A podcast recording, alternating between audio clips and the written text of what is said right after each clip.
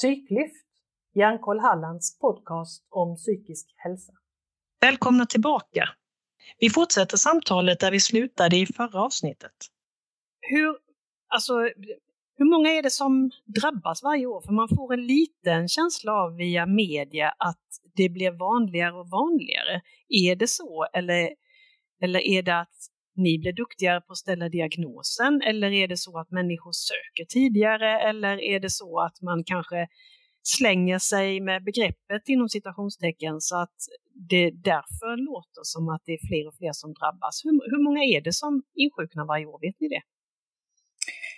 Och det här är en sån här 10 000 kronors fråga brukar jag kalla det. För vi har nämligen inte någon prevalens, alltså förekomst eh, eller register för, så vi vet inte hur många som är sjuka. Eh, men eh, det som vi kan titta på, eller som man åtminstone har statistik kring, det är ju sjukskrivningstalen. Och det är lite spännande för nu i veckan kom det en ny rapport från Försäkringskassan och där har man sett att ökningen eh, när det gäller stressrelaterade diagnoser från 2019 till 2023, eh, det har alltså nästan blivit en fördubbling av de som får en stressrelaterad diagnos. Så det är ju anmärkningsvärt att så många mm. mer får diagnosen. Och om det beror på att fler blir sjuka eller att vi är bättre på att ställa diagnos eller att vi ställer diagnos på för många, eh, att vi är för frikostiga, eh, det vet vi inte. Mm. Så det, det, ja, vi önskar att vi hade ett sådant stort register som till exempel diabetesregistret där man vet precis hur många som får diabetes. Mm. Mm. mm. Och, och sjukskrivningar drabbar ju människor i arbetsför ålder, men hur ser åldersfördelningen ut annars när det gäller utmattningssyndrom? Drabbar det alla lika eller är det företrädesvis yngre eller äldre eller hur ser det ut? Om man ska se på forskning och i de studier som oftast är gjorda så ligger snittåldern runt 42 någonting. Eh, så jag skulle säga att den genomsnittliga patienten då är en kvinna som är i 42-årsåldern som är mitt i livet, oftast mitt i karriär, i barnafödande och barn som är i skolåldern. Man kanske också har börjat få äldre föräldrar som man ska ta hand om. Man kanske är i hus och renoveringssituation eh, och man har också blivit lite mer senior i sitt arbete och med det ett större ansvar. Så det skulle jag nog kunna säga att det är en genomsnittlig patient och eh, mm. majoriteten är ju fortfarande också kvinnor som får den här diagnosen. Mm. Mm. mm. Alltså, finns det skillnad? Man hör ju ibland utmattningssyndrom och så hör man utmattningsdepression och så hör man bara utmattning. Är det egentligen flera begrepp eller flera ord för samma sak eller finns det skillnaden mellan de här olika termerna? Ja, det kanske vi kan hjälpa till med att reda ut i alla fall. För när det gäller begreppet utmattning eller burnout som används mer nationellt eller internationellt då, så är det en arbetspsykologisk term. Så det är ju egentligen inte en diagnos, utan det är ju en beskrivning av ett tillstånd, att man är utmattad. Och det kan man ju bli av flera olika sjukdomstillstånd. Ehm, så det är ju inte en diagnos. Och när det gäller utmattningssyndrom så, så är ju det en fastställd diagnos som vi använder i Sverige som har specifika diagnoskriterier. Och utmattningssyndrom finns egentligen inte en diagnos som heter, utan utmattningssyndrom är en diagnos och depression är en diagnos. Men det är väldigt vanligt att man har både depressiva symptom eller en depression samtidigt som man har ett utmattningssyndrom. Mm. Jag ska bara Ja. Förlåt, jag bara ställa en förtydligande fråga. För du, du sa utmattningssyndrom finns inte en diagnos, men du menar utmattningsdepression finns inte en diagnos som heter? Nej, utmattningsdepression finns ingen diagnos som heter, utan det är ja, utmattningssyndrom som finns en diagnos för. Mm. Eh, och eh, det kan ju vara svårt att skilja ut vad som är en depression och vad som är ett utmattningssyndrom. Mm. Och där är det oftast förloppet som som kan eh, hjälpa till om man följer det och ser hur, hur de här patienterna utvecklar sig. Men för att förtydliga så tycker jag att de som inte har en depression då, då faller de inte ut på de kriterierna som är huvudkriterier för depression, det vill säga att de har egentligen ingen livsledare. De tycker inte att livet är eh, tråkigt, dåligt eller negativt. Man har, en, man har egentligen en grunden en positiv livssyn och vill leva och tycker saker är roligt, vilket man inte gör när man har en depression. Utan för utmattningspatienter som har ett utmattningssyndrom, där vill man men man orkar inte och klarar inte för att man är för sjuk i sin eh, utmattning. Mm. Så det är en viktig skiljelinje skulle jag säga, eh, att det mm. finns livslust, det finns vilja, glädje, men man har inte eh, kapacitet Nej. helt enkelt att göra och, saker som man brukar. Och då tänker jag också, eh, det här är kanske helt eh, en, en konstig fråga, men jag tänker finns det någonting som man kallar för primär utmatt, primärt utmattningssyndrom eller sekundärt utmattningssyndrom? Alltså kan man få det som, jag förstår att man kan få det som en, som en primär, det vill säga det finns inga andra bakomliggande sjukdomar, men kan man även få det som en konsekvens av att man till exempel är deprimerad eller att man redan har en, en eh, ADHD eller att man redan har eh, en, en eh, annan, en svår, svårare sjukdom som, som, inte, som är långvarig då, kan, kan man få utmattningssyndrom som en konsekvens av det? Om man ska gå till diagnoskriterierna så, så är det så att man har en annan bakomliggande sjukdom, som till exempel depression eller ADHD, då ska man ju ha den sjukdomen som huvuddiagnos. Det vill säga oftast är det ju då den som är orsaken till att man mår som man gör. Har man till exempel en ångest eller en ADHD-problematik så är det det som är huvuddiagnosen. Och diagnosen i sig, eller den sjukdomen i sig, eh, orsakar inte ett utmattningssyndrom, men det kan ju föranleda att man är mer sårbar till exempel för ökad stress om man har en ADHD-problematik. Så jag har ju flera patienter som har eh, en annan sjukdom som har gjort att man, som till exempel vid ADHD som är vanligt, då har man kanske inte eh, förmågan att energireglera. Att man, man kör på för mycket, man går över sina gränser, man har svårt att liksom känna av var någonstans det blir för mycket. Och det är mm. inte ovanligt att jag har patienter som kommer till mig eh, som inte har en eh, diagnos, men där vi, när vi börjar luska lite grann, upptäcker att här finns nog en annan problematik som ligger till grund egentligen för att du har hamnat i din utmattning. Mm. Senast idag fick jag besked från en patient att nu har jag fått min ADHD-diagnos, Agnes, och då säger jag till patienten, men vad bra, då har vi en pusselbit i alla fall. För då kan man mm. jobba med den delen, att, att behandla de sakerna som gör att man har svårigheter och har kanske bidragit till att man har hamnat i sin utmattning. Mm. Mm. Jag funderar också på, finns det någon risk om man, om man har, alltså jag, ibland tänker man ju så att ja men nu har man haft det, nu har man haft en, ett utmattningssyndrom eller haft en utmattning eh, och då kanske man vet hur man ska göra för att undvika det. Eller är det så att man kan få tillbaka det igen? Kan man, kan man vara utmattad mer än en gång? Ja, tyvärr är det ju så att en del blir sjuka igen och ibland så kan det ta flera år emellan. Um, och ibland så är det så att man kanske inte har blivit fullt frisk utan att man har börjat till exempel jobba som är ganska vanligt igen och, och dra igång med olika aktiviteter och saker som man helt enkelt måste göra i livet.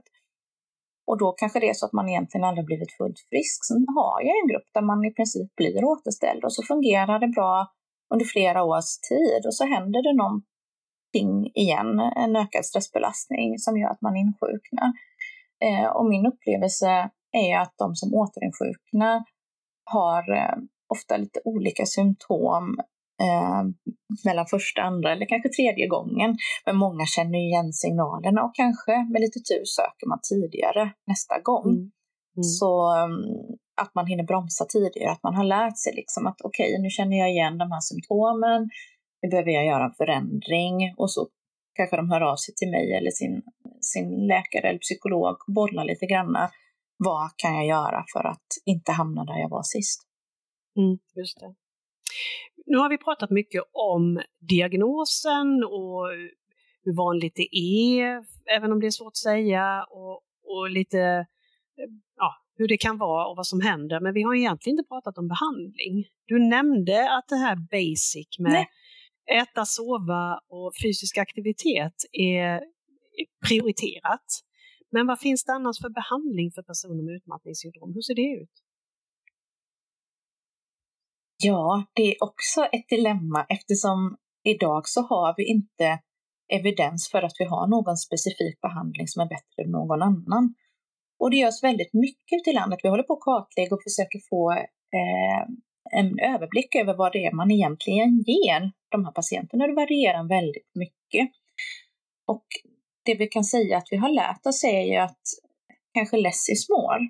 Att man behöver inte göra så väldigt mycket på en gång, utan oftast behöver de här patienterna lugn och ro eh, och få ordning på de här basic rutinerna i sin vardag. Och sen behöver man långsamt, långsamt börja bygga upp och utsätta sig för olika typer av exponering och bygga upp liksom energin och uthålligheten i aktivitet igen.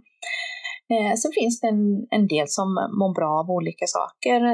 En del behöver en, en psykologkontakt eh, för att eh, kanske jobba med olika beteendemönster som, som är, kanske ligger till grund till att man eh, har hamnat i sin utmattning.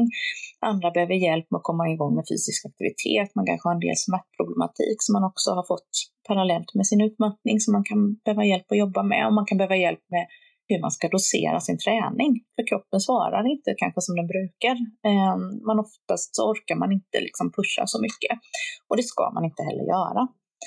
Ehm, och eh, det finns ju stressskolor som handlar mycket om psykoedukation, det vill säga att man får lära sig och förstå hur kroppen reagerar, vad kroppen behöver, ehm, hur förloppet kan se ut, vad man ska vara observant på och så vidare. Så att man får med sig lite granna eh, verktyg också.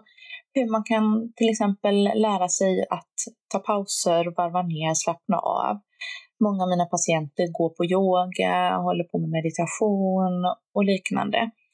Och även om vi inte har liksom tydligt stöd för att det här gör en markant skillnad i att du blir snabbare bättre så, så upplever ju olika människor symptomlindring och förbättring eh, av olika insatser. Men jag mm. har inget universalpiller eller universalgrej som jag ger till alla patienter, utan det är väldigt mycket en individuell bedömning. Vad behöver du ha? Mm. Och det kan man ju kanske också lite lättare förstå om man funderar på det du sa, att det, det handlar om kanske inre krav eh, och då måste mm. man ju börja jobba med de inre kraven och då, då är det ju svårt med, även om du går på yoga eller meditation och känner att du måste göra det perfekt så, mm. så har du, då kanske du inte har samma förutsättningar för att lyckas. Nej, så är det ju och det ser jag hos en del att de vill göra allting rätt även när det gäller rehabiliteringen så de går på alla möjliga saker. Och egentligen blir det alldeles för mycket för problemet är att de ett är trötta och två så har de flesta också kognitiva symptom som gör att man har svårt att ta till sig behandlingen. Och det är mm. ofta svårt att börja med en kognitiv beteendeterapi där man ska aktivt jobba med beteendeförändringar när man är för trött. Så att tajmingen är jätteviktig för de här insatserna. Många kan behöva den hjälpen, men man behöver ge det vid rätt tillfälle, för annars så kommer patienterna tillbaka här, just det, jag gjorde ju det där, men jag minns inte vad jag gjorde. Mm. Eh, så det, det, finns ett värde av att säga att nu tror jag att du är redo för detta. Eh, någonting som vi däremot har lite stöd för att det har effekt, det gäller när det, det kommer när det gäller till arbetslivsriktad eh, rehabilitering, det vill säga att man kommer tillbaka till arbetet. Så där har vi lite stöd för att det faktiskt hjälper och påskyndar arbetsåtergången om vi involverar arbetsgivaren i den här processen. Mm. Eh, men det är också olika saker man har testat som fungerar mer eller mindre bra där. Men mm. det är det som vi kan se är viktigt det är ju att man får stöd och hjälp med anpassningar när man väl ska tillbaka till arbetet om man har varit sjukskriven både kanske en kortare och längre tid. Eh, och där skiljer det sig naturligtvis också väldigt mycket vad man har för arbetsgivare, för arbetsplats och för arbetsuppgifter, hur man kan anpassa. Mm. Och om man ska se till de yrkesgrupper som oftast drabbas så är det ju de som jobbar inom skola, vård och omsorg. Och det finns ju sällan en möjlighet till anpassning och flexibilitet. Du kanske inte kan ta sovmorgon om du har sovit dåligt en natt och jobba lite senare eller jobba hemifrån vilket för många kan vara någonting som verkligen underlättar och gör att man kan eh, både bibehålla och fortsätta och trappa upp sin arbetsåtergång. Mm. Mm. Eh, utan vissa arbetsplatser är det svårare att hitta arbetsuppgifter som innebär att man har mindre stress och krav och en lugnare miljö rent fysiskt med mindre intryck och stimuli. Så mm. här har vi också en, en del av problematiken som jag kanske vill passa på att lyfta, nämligen genusperspektivet. Eh, och varför det är så många kvinnor som, som drabbas. Och det kan ju bero på olika saker, inte minst vad vi har för olika förutsättningar i våra arbetsliv, vad det är för typ av arbetsuppgifter vi gör och också hur fördelningar av det här som görs utanför arbetet ser ut. Eh, mm. Och det finns ju fortfarande skillnader som gör att kvinnor har en på totalen ofta hög belastning i sina liv. Mm. Mm. Och du har nämnt sjukskrivning några gånger, så både från eh, Försäkringskassans rapporter men också när det gäller eh, att man kanske behöver det för att återhämta sig. Finns det någon mellan tumme och pekfingrar, eh, någonting som man kan säga om hur länge man behöver vara sjukskriven för att eh, kroppen ska hinna balansera sig igen? Det är jättesvårt att säga, men det som vi prognostiskt kan se lite grann, eller som jag brukar ha som någon form av mått, det är att hur länge har du varit sjuk? Alltså hur länge har du haft symptom innan du blev sjukskriven? Har du gått i flera år och kroppen har signalerat och du inte mått bra och haft en hög stressbelastning, då kanske det är det du får räkna med att det tar innan du blir bra. Eh, sen innebär det kanske inte att du behöver vara sjukskriven under hela den här tiden och att du kan gradvis komma upp i aktivitet igen. Men ehm, det är klart att har du haft eh, en arbetssituation där du i två år haft en jättehög stressbelastning så kanske det tar två år innan du är tillbaka fullt ut igen. Mm. Mm. Men um, om man ska titta lite på hur det ser ut. Vi har lite grann följt patienterna hur, hur snabbt de är tillbaka till arbete. Och um, då får man ju ha i åtanke att det här är patienter som, som har följts upp vid Institutet för stressmedicin specialistmottagning. Så det är möjligt att de som har kommit dit är något sjukare än genomsnittet. Ehm, det vet vi inte till fullo. Men ehm, bland dem så, så kommer de flesta tillbaka. Så efter eh, sju år så är 90 procent tillbaka i arbete, över 90 procent är fullt tillbaka i arbete. Mm. Och eh, efter eh, ett och ett halvt år så är runt hälften tillbaka. Så att mm. Eh, mm. det går bra, prognosen är god men det tar tid. Mm. Och det jag har tittat lite närmare på också hur, hur förändringen i arbetslivet ser ut. Och det visar sig att det, under den här tiden så, så sker mycket förändringar. Eh, nästan hälften har bytt jobb eh, efter sju år. Eh, och, och, någon förändring, att man antingen går ner i arbetstid eller byter arbetsuppgifter eh, eller byter arbetsplats helt och hållet har eh, två tredjedelar gjort. Mm. Så att mm, någon form av anpassning kommer oftast med sjukdomen. Och det som är mm. anmärkningsvärt i, i det som vi har tittat på är ju att eh, framförallt så är det majoriteten av de som går ner, eller faktiskt alla i den eh, grupp som vi tittar på som gick ner i arbetstid var kvinnor. Mm. Och det mm. säger också lite grann om eh, hur det här ytterligare eh, i efterförloppet drabbar kvinnorna med att man då har en lägre lön och lägre pension och så vidare till följd av sjukdomen. Så här finns mycket som vi kan göra preventivt, tänker jag. Mm, mm. Ja, om, om vi nu skulle kasta oss till, till drömmarna eh, då, alltså vad, mm. hur, hur ser du, eh, vad, vad, kan man, vad skulle man kunna göra, vad skulle man vilja göra för att förebygga detta? Och, och hur ser du i din drömvärld att det ser ut om tio år? Eller, eller i ditt skräckscenario för den delen. Alltså, vad tror du? Min förhoppning är ju att man ska lyfta det här på en högre nivå. För mycket har ju handlat om att man tittar på individen och att individen ska göra förändringar och anpassningar för att man inte ska bli sjuk eller för att man ska bli frisk. Men ju mer vi tittar på det, desto mer har vi förstått att problemet ligger ju högre upp. Det är ju på organisationsnivå som man måste titta på en arbetsplats. Vad har vi för förutsättningar i den här äh, organisationen att påverka? Vad har cheferna för förutsättningar att se till sina medarbetares äh, arbetsmiljö och hjälpa dem och stötta dem så att de får ett hållbart arbetsliv. Eh, om man tittar på samhällsnivå så finns det också mycket där som jag tänker och hoppas att man skulle kunna göra, både och inte minst i skolan för att stötta och hjälpa både barn och elever. För eh, mycket börjar ju redan i ung ålder att, eh, att det finns en stress och en otrygghet i skolan hos många. Och också de som arbetar i skolans värld har ju en väldigt tuff arbetsmiljö. Så jag hoppas att det ska komma till mer resurser för de här primära viktiga sakerna i samhället. Och också mm. att man ska kunna hjälpa dem med särskilda behov. För om man ska se till helhetsperspektiv så tänker jag att när jag har både en och två föräldrar sjukskrivna för att man har barn med särskilda behov som inte får stöd från samhället, så tänker jag att det hade varit gynnsamt om man hade kunnat skruva lite grann här så att de fick lite mer hjälp, så att de här föräldrarna fick vara friska och kunde arbeta och barnen kunde få må bra och fungera i skolan.